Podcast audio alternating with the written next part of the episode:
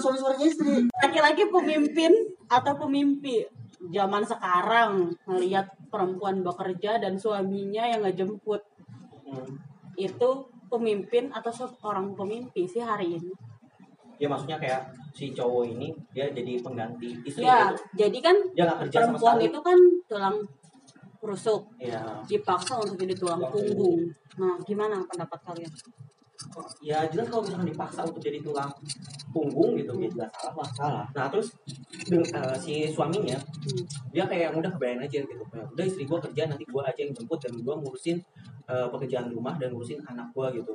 Kalau gua itu cuma cari alasan aja dan males sih sebenarnya kalau kayak gitu males ya Iya, karena sih karena secara kan eh, maksudnya maksudnya nih kalau misalkan laki-laki eh, dia ngerasa punya pikiran, dia ngerasa punya ide, dia punya ngerasa punya keterampilan, masa i masa iya dia cuma ngerjain pekerjaan rumah? hmm. Kalau dia punya skill nih, andai kata dia punya skill nih apa nih? Misalnya skill ngegitar aja, jadi pengamen juga bisa, ya ampun. Hmm. Iya, jadi misalkan dia suka nyanyi di WC dan ngerasa bagus, jadi ya, masuk ke Indonesian Idol itu juga bisa gitu. Jadi kalau kata gue nih Pak, maksudnya yang jadi pertanyaan adalah bagaimana tumbuh kembang seorang anak nantinya? Melihat justru laki apa suami apa namanya bapaknya sendiri itu malah nganggur. Bapaknya sendiri malah ibaratnya yang nge, eh, mau ngebiarin istrinya itu. Ya udahlah nanti gue juga kalau punya istri istri gue aja yang kerja gue di rumah lah tiduran aja. lu punya suami punya istri Loh, kan anak itu anak laki-laki? Oh, kan bapak itu kan jadi seperti sedang mengedukasi anak laki-lakinya untuk nih kayak bapak nih. Bapak hidup sejahtera kalau diem di rumah ibu aja yang kerja lah capek. Tapi beda kasusnya kalau emang mereka saling berkomitmen duanya nah. Ada Ya, perjanjian. ini tadi bisa. Iya, maksudnya kan kalau emang kalau yang kecuali beda halnya si istrinya tiga bulan kerja nggak balik balik ke rumah ya. Beda itu si anaknya sengsara cuy. Iya, iya. susunya dari mana? Tiga bulan. Lah kalau misalnya istrinya ternyata kerjanya saat anaknya udah usia 2 atau tiga tahun di atas? Ya nggak apa-apa. Hmm. gak urusan sama susu Iya, ada berarti. sama susu. Paham sih kalau hidup itu kompleks ya. iya maksudnya kalau emang kasus seperti itu ya nggak apa-apa. Gue rasa masalah benang merah itu gini. Kenapa kebanyakan orang itu kayak misalkan cowok ya suami ya itu tuh nggak senang istrinya itu lebih sukses ketimbang mereka. Karena mereka takut mereka itu nggak ada martabatnya. Hmm. Karena mereka takut mereka nggak dihargai. Iya. Nah. Mereka takut kayak eh, si cewek ini men- mandiri dan mereka nggak dibutuhkan. Nggak dibutuhkan, nggak diinjak-injak. Eh, maksudnya diinjak-injak gitu kan. Kalau kedua akan menjadi salah kalau misalkan istri yang kayak gitu. Hmm. Dia udah sukses secara materi, nggak ada kok yang nyalain. Kalau misalkan dia sukses lebih Betul, betul, suami, nggak ada yang nyalain. Hmm. Tapi lu sepakat nggak kalau misalkan istrinya malah justru semena-mena ke, su- ke suaminya? Ya, iya. nggak sepakat kan lu Iya. ibaratnya udah mah semena-mena udah itu misalkan lagi ngobrol apa gimana gitu sama eh, si suami si anaknya ngelihat gitu kok bapak menang-menang baik diomelin kayak gitu kayak direndahkan Hmm. gitu nah maksudnya takutnya nih si anaknya misalkan cowok baik juga buat anak. jadi di eh, jadi bahan percontohan pas dia nikah gitu dia malah kayak gitu gitu ke si, si suami atau ke istrinya. Takutnya kayak gitu. Maksudnya kalau misalkan mau sukses secara materi secara hari nggak ada masalah sih. Dan nggak ada jaminan bahwa si perempuan ini dia bakal ngerendahin suaminya. Kayak gitu ya iya yang yang penting terbentuk terbentuk terbentuk dari karakter si perempuan karakter, karakter juga sih karakter Iya, ngaruh juga sih. Nah sekarang kayak gini banyak juga yang perempuan yang sukses secara materinya juga ya jangan sukses secara materi yang jadi ibu rumah tangga nggak ngargain suami juga banyak banget Hmm, betul betul betul yang dia cuma ibu rumah tangga yang ngomongin dapur dan ngomong anak tapi kalau ngargain. suaminya, ih suami saya mah seperti ini, seperti ini, seperti ini.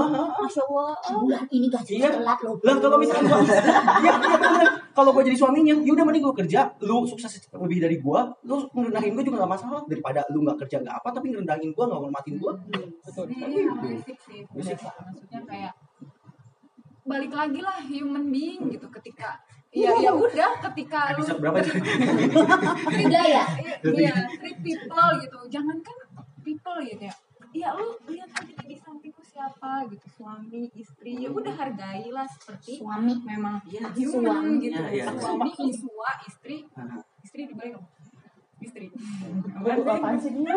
kayaknya Super sih deh dia. Ya keren sih. kayaknya kayaknya benar sih memang kalau ngebahas ini itu erat kaitannya sama parenting sih jadinya Hmm, betul. kayak lu kudu berkomitmen bareng tanggung jawab dan tugas bersama Mm-mm, apa aja sih bisa kalau Iya, sendirian. iya. Nggak bisa sendirian. Harus didiskusikan dulu. harus didiskusikan dulu gitu Berdampingan coy. nggak bisa kalau untuk para suami ya dia takut kayak gitu baik Hmm. kata gue sih gue sih mewakili mereka ya, ketika mereka Gue juga mau iya gue coba. bukan mereka yang benar. Yang menganggap bosnya ketika ketika perempuan sukses itu bakalan ditindas. Enggak enggak semuanya perempuan itu bakalan ditindas. Cuman pemikiran mereka aja yang terbentuk Ketakutan sih. ketakutan. Ketakutan. Insecure. Takut kecuali lu di rumah lu nggak punya kegiatan apa apa cuma nodong ke ke istri itu. Nah itu. istri juga kesel lah. Lu nodong kerja kagak usaha kagak Lu Kerja bagi uang. nodong rokok rokok rokok. rokok. Rokok sebenarnya dilihatnya tuh usaha effortnya gitu. Perempuan tuh nggak ngeliat lu gaji lu semana? Iya. usaha lu semana? Cuman lagi nih. iya ya itu yang tanggung jawab tadi. Ya itu tanggung jawab. Iya iya. makanya dari itu kan tanggung jawab sama kesetiaan udah. Uh, Bisa dikaitkan sama ini nggak? Gini? tayang tayang. Kalau andai kata semua perempuan itu nggak kerja, semua perempuan itu di rumah, dan yang kerja dan yang melakukan aktivitas ekonomi kayak kerja ataupun bisnis itu cowok gitu, Hmm. apakah ekonomi jadi maju? Enggak, Enggak. karena itu sama aja mematikan setengah populasi. Setengah populasi itu cuma diem di rumah, mereka nggak ada aktivitas bisnis. Coba aja kalau mereka mau buka lowongan kerja, mereka mau buka bisnis gitu, nanti kan bisa nyerap tenaga kerja, atau bisa nanti Banyak bikin, potensi- iya banyak potensi potensi ekonomi yang ini. Makanya that's why kenapa eh, di negara-negara maju kayak misalkan Amerika Serikat ataupun negara-negara Eropa Utara atau Eropa Barat yang mereka itu egaliter, ekonomi itu maju.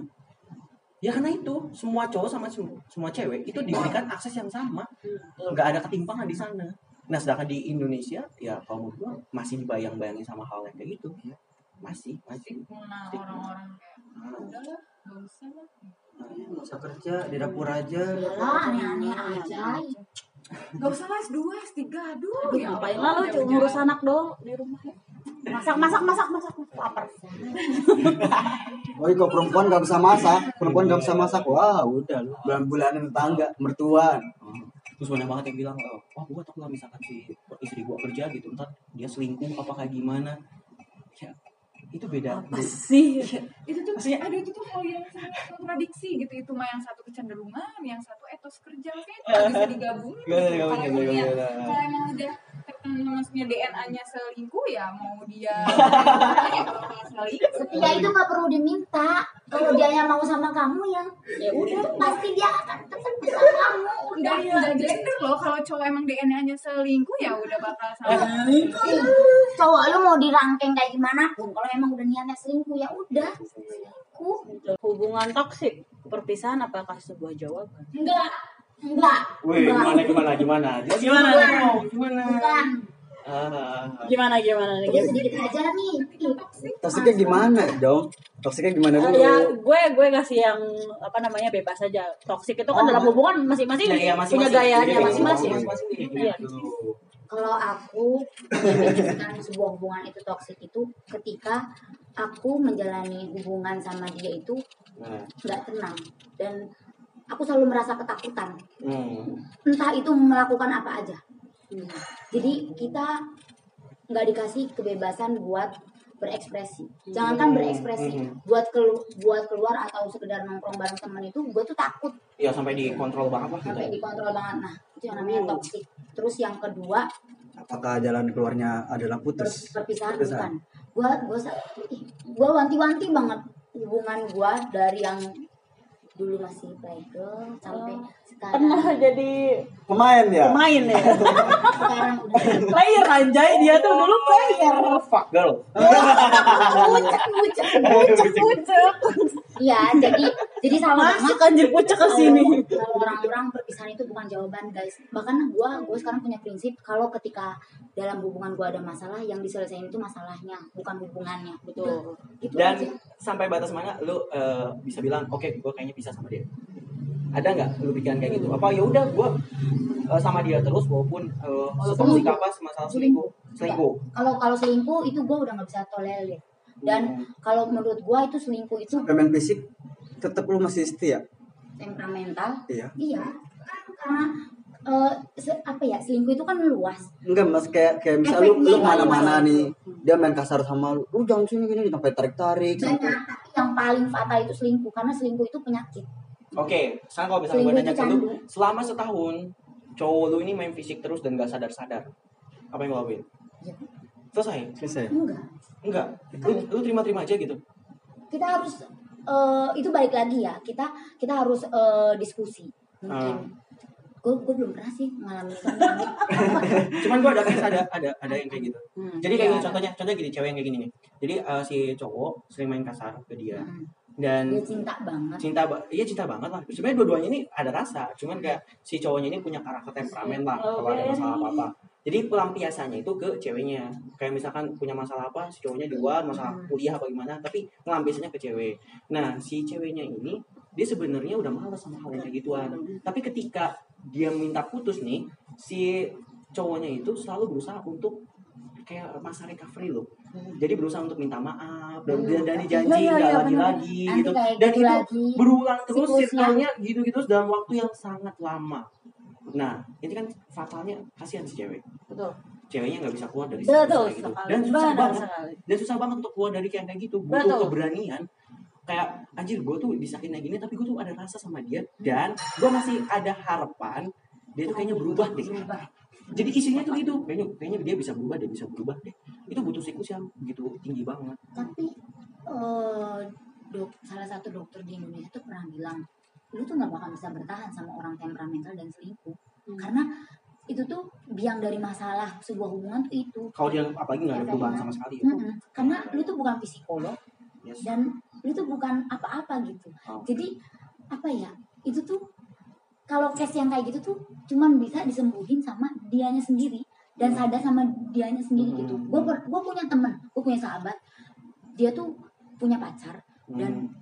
pacarnya itu selingkuh tapi kayak gitu baik suka recovery lagi aku Hmm. minta maaf kayak gini nih Hmm. dijanji kayak gitu tapi nanti selingkuh lagi kayak gitu dan itu tuh siklusnya berulang-ulang terus kayak gitu tapi anehnya sahabat gue ini tetap menerima kayak Hmm. gitu dan di situ juga sebenarnya ada ada dan menurut gue kalau yang kayak gitu tuh sangat-sangat disayangkan dan sangat-sangat toksik gitu. Makanya itu Ah, orang nggak bisa itu mentolerir yang namanya perselingkuhan. Uh, tiga ya, tahun. kalau kalau dal- dal- dalam hubungan untuk memutuskan atau kalau yang apa cerai ya cerai. Gue lebih setuju. Karena dalam apa cerai dan putusnya hubungan itu itu adalah hubungan yang jujur cuy hubungan jujur ketika emang tidak ada kesamaan udah tidak ada kecocokan. Ya, dan udah sakit. itu bikin penyakit mental Mhm. atau penyakit yang se- apa pun itu Ya. niat udahan. Benar. hubungan yang jujur. Perceraian itu adalah hubungan yang jujur menurut gue tapi kalau case-nya uh, udah nikah bedahan. Kita nggak bisa menggeneralisir banyak Kalau- pertimbangan sih. Mm-mm, banyak pertimbangan. Apalagi ada udah ada anak. Udah ada anak. Terus uh, udah terlalu jauh terus apalagi anaknya masih kecil. Ya, ya.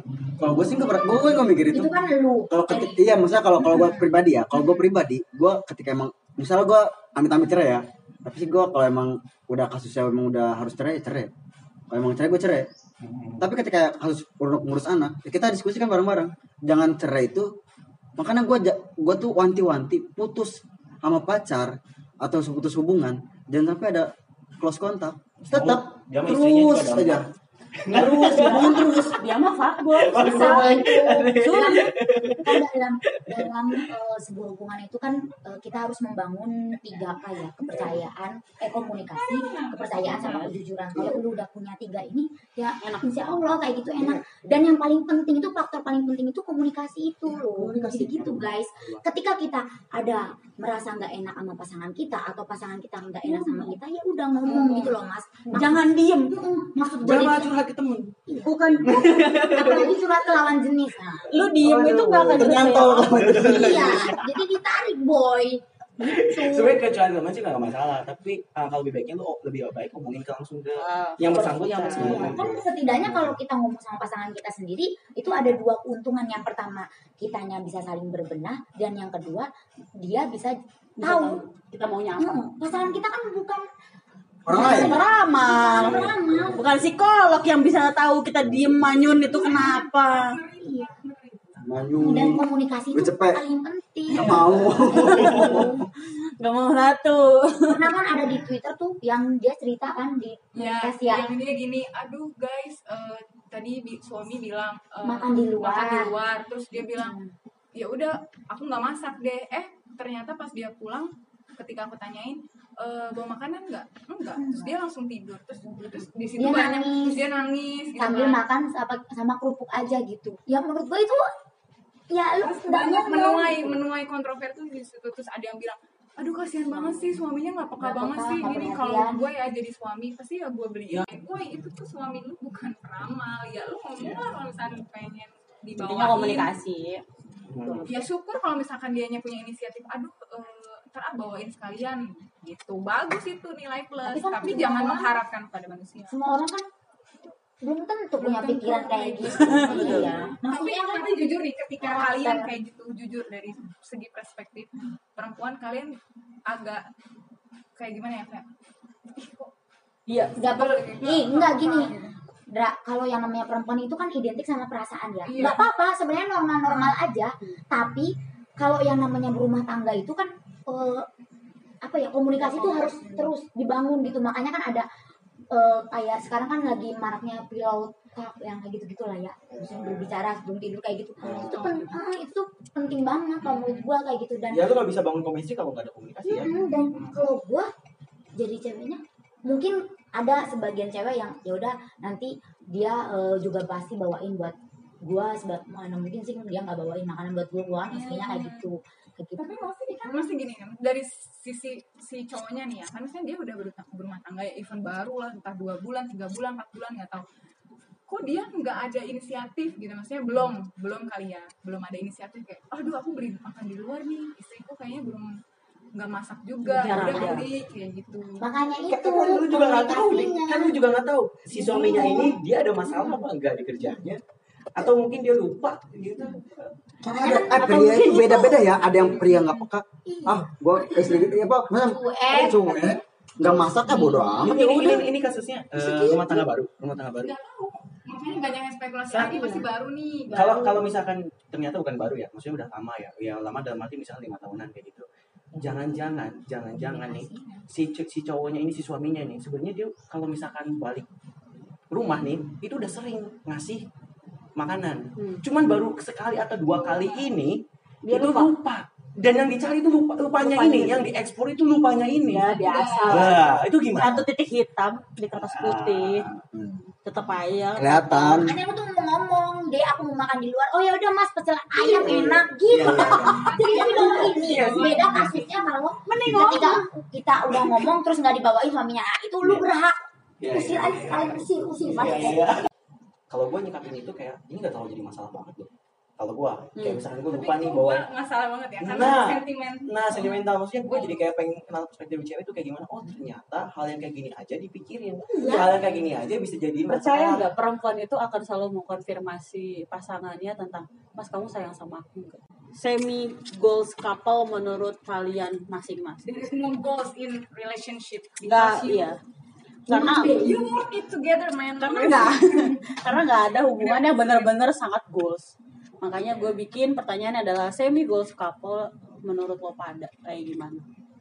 Eh, ya ya udah kalian bekerja bersama gitu. Menurutku eh menurutku ya menurut gue nggak ada eh, misalkan gini ketika kalian relationship ya udah kalau misalkan mau keluar keluar goals kalian apa ya monggo tapi kalau misalkan kalian mau keep goals itu buat kalian ya nggak apa-apa itu juga bagus. Tapi ya dilaksanain dengan Loh. bersama-sama nggak cuma satu doang yang bekerja buat goals oh iya ntar goals kita ini misalkan. Goalsnya nikah tapi yang nusain cuma Satu. cowok doang. Itu bukan goals gitu. Nggak bisa dibilang goals karena ya goals itu dikerjain bareng sama gitu. Jadi nggak ada yang ketinggalan nggak ada yang terbelakang nggak ada yang duluan bareng-bareng gitu. Dicapainya barengan. Jadi ketika udah sampai bermenang masing-masing ya udah oh ya we did it kita kita selesai maksudnya kita sudah melewatinya bersama kayak gitu ya sih menurut gue Gimana? Sok sok silakan. Semi goals couple itu kita kita saling mengerti. Aku ngertiin kamu dan kamu ngertiin aku. Menurut gue sih yang penting tadi saya udah bilang ya yang apa namanya kebersamaan terus saling pengertian gitu. Menurut gue yang penting ini sih saling tahu bahwa yang namanya kondisi itu pasti kadang orang tuh beda-beda. Iya kan? jadi kadang yang bikin bikin hubungan itu berantakan yang bikin hubungan itu bermasalah itu karena si si cowok atau si ceweknya itu nggak bisa ngerti bahwa eh lu tau gak kondisi gue tuh kayak gini loh Hmm, betul. kayak misalkan contoh misalkan gue nih lu tau gak kalau gue itu lagi ada problem di belakang gue ini banyak banget ketika lu udah bisa ngerti di belakang gua itu lagi ada peluang banyak banget dan lu tahu kalau eh, kira-kira lu masuk mau di bagian mana nih? Hmm. apakah lu mau jadi pendengar? Apakah lu mau ngasih masukan? Apa kayak gimana? Menurut gue itu udah- gua udah happy banget. Yuk, betul. makanya kalau misalnya ada yang bilang bahwa kebahagiaan itu bukan dicari kebahagiaan itu diciptakan. Iya. Nope. gua aja ibaratnya Sederhana. kalau misalkan dalam berhu dalam berhubungan kebahagiaan diciptakan itu simpel ya ibaratnya gue ngobrol sama eh, cewek gue gitu.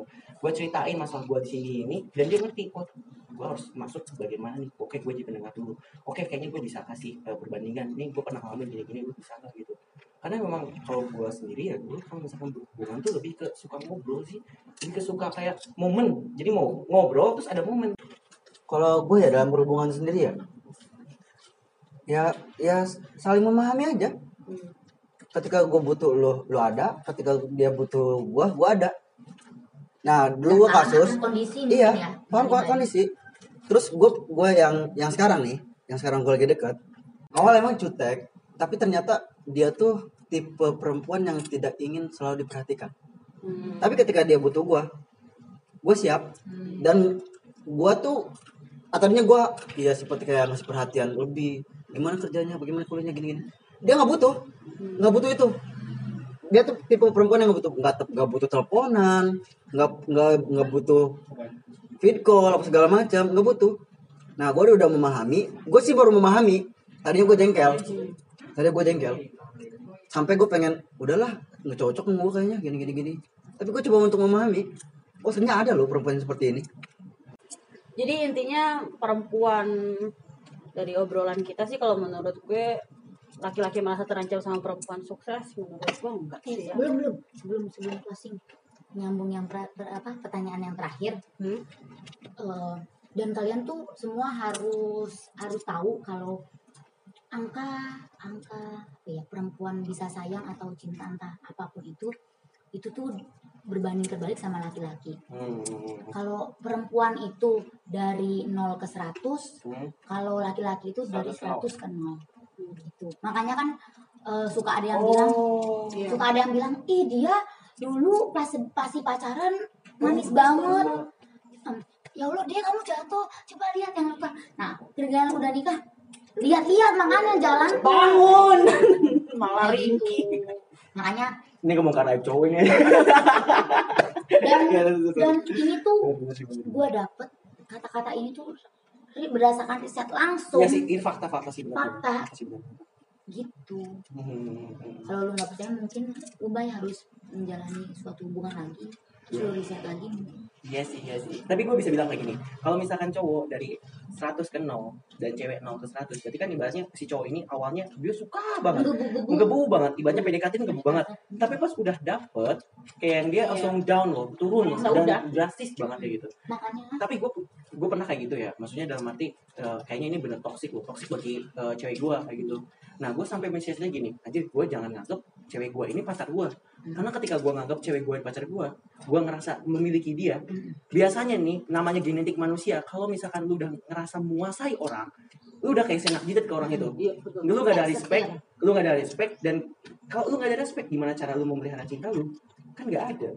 jangan sampai kita eh, punya sebuah hubungan tapi eh, kita seakan-akan memiliki dia Iya, kayak iya, iya. gitu. 100%. sebelum sebelum ada Iya. ikatan yang halal boro-boro yang Mhm. belum ada ikatan halal yang udah ada ikatan halal aja Mhm. banyak peluangnya kan Iya. apalagi yang belum kayak gitu makanya itu penting Mhm. banget bagi perempuan buat mengontrol diri juga Iya sih, kayak gitu iya sih. oh iya eh, kapan aku eh, apa Hmm. namanya masuk kapan Hmm. aku keluar Keluar. kapan aku das. ngekat perasaan ini kapan aku eh, apa namanya eh, bikin dia penasaran lagi apa gimana entah itu Hmm. kayak gitu dan ini penting banget loh maksudnya ini bakal bakal jadi jawaban bahwa yang definisi hubungan toksik kayak gimana dan sebenarnya cewek itu nggak harus di dapur cewek juga eh, ibaratnya pantas lebih sukses ketimbang eh, suaminya gitu adalah jawabannya gini bahwa yang namanya hubungan gitu ya itu nggak melulu soal bucin. Bucin. Kayak hidup lu itu cuma antara gua sama dia. Yang lain kontrak buat kalau kalau lu menyadari bahwa gua punya kegiatan nih gua tuh punya kegiatan pertama gua cari cuan. Kedua gua punya Hmm. eh, nyari temen. Terus kemudian gua ngejain proyek gua gitu. Dan hidup gua tuh nggak selalu selalu soal halo sayang lagi ngapain? Halo sayang udah makan belum? Halo good night selamat malam. Dan si cowok si ceweknya juga kayak gitu. Nggak punya kegiatan dan nggak punya kayak visi ke depannya gimana maka kalau kata gue ini hubungan udah toksik Hmm. kenapa biasanya hubungan yang gini nggak bertahan lama Iya. nggak nggak nggak nggak lifetime enggak paling cuma sebulan dua bulan habis itu udah selesai udah kayak kayak hubungan sekarang ini gue sih bersyukur banget dapetin cewek yang kayak gini yang nggak perlu perhatian gue Ya, nggak tahu ya. kabar gue dari di mana di mananya ya ya ya tapi ketika gue gue butuh nih gue pengen cerita sama lu gini gini masalah tentang gue Hmm. dia nggak dengerin Oh. Tapi ketika gue kayak sayang kamu lagi ngapain saya udah makan belum ini gini dia nggak mau coy Iya, Jijik. jijik anjir apa sih? Jijik. Gitu. Tapi ada juga laki-laki yang dia tuh sebenarnya tuh cuek. Ya. Tapi ketika ketika perempuannya ikut-ikutan cuek, dia tuh nggak seneng. Hmm. ada Ada ya Eh, kayak gue gitu. gitu, gue gitu. Gua, Jadi gua- jadi ya. gini, lu tuh nyuekin nyuekin kita perempuan. Mhm. Udah gitu, kamu tuh nggak ada kabar. Ya, nanti dengan dengan dalih, eh, ya aku kan lagi kerja, aku kan lagi ini, aku kan lagi itu. Ya intinya dari dari semua obrolan kita itu adalah perempuan tahu harus seperti apa dan laki-laki tahu juga harus berbuat Intinya- apa. Intinya komunikasi fungsinya masing-masing dan komunikasi, dan istilah yang namanya terancam ketika perempuan sukses. Laki-laki kayaknya nggak ada deh kayaknya. Karena kita itu zaman sekarang kali ya open minded aja ketika kita berprogresif. Iya. Untuk laki-laki juga jangan terlalu, selalu merasa tertindas ketika punya perempuan yang lebih penghasilan. Iya. Ya lebih enak. Harusnya tuh tapi jadi jangan pemicu. dianakin Heeh, jangan dianakin wow. Intinya gitu deh. Republik Eh, Republik main. Udah ada yang gak sabar untuk jalan kayak. Republik main. Oke, okay, semuanya thanks. Thank you for listening. listening. Sampai jumpa. Bye bye. Bye. bye. bye. bye.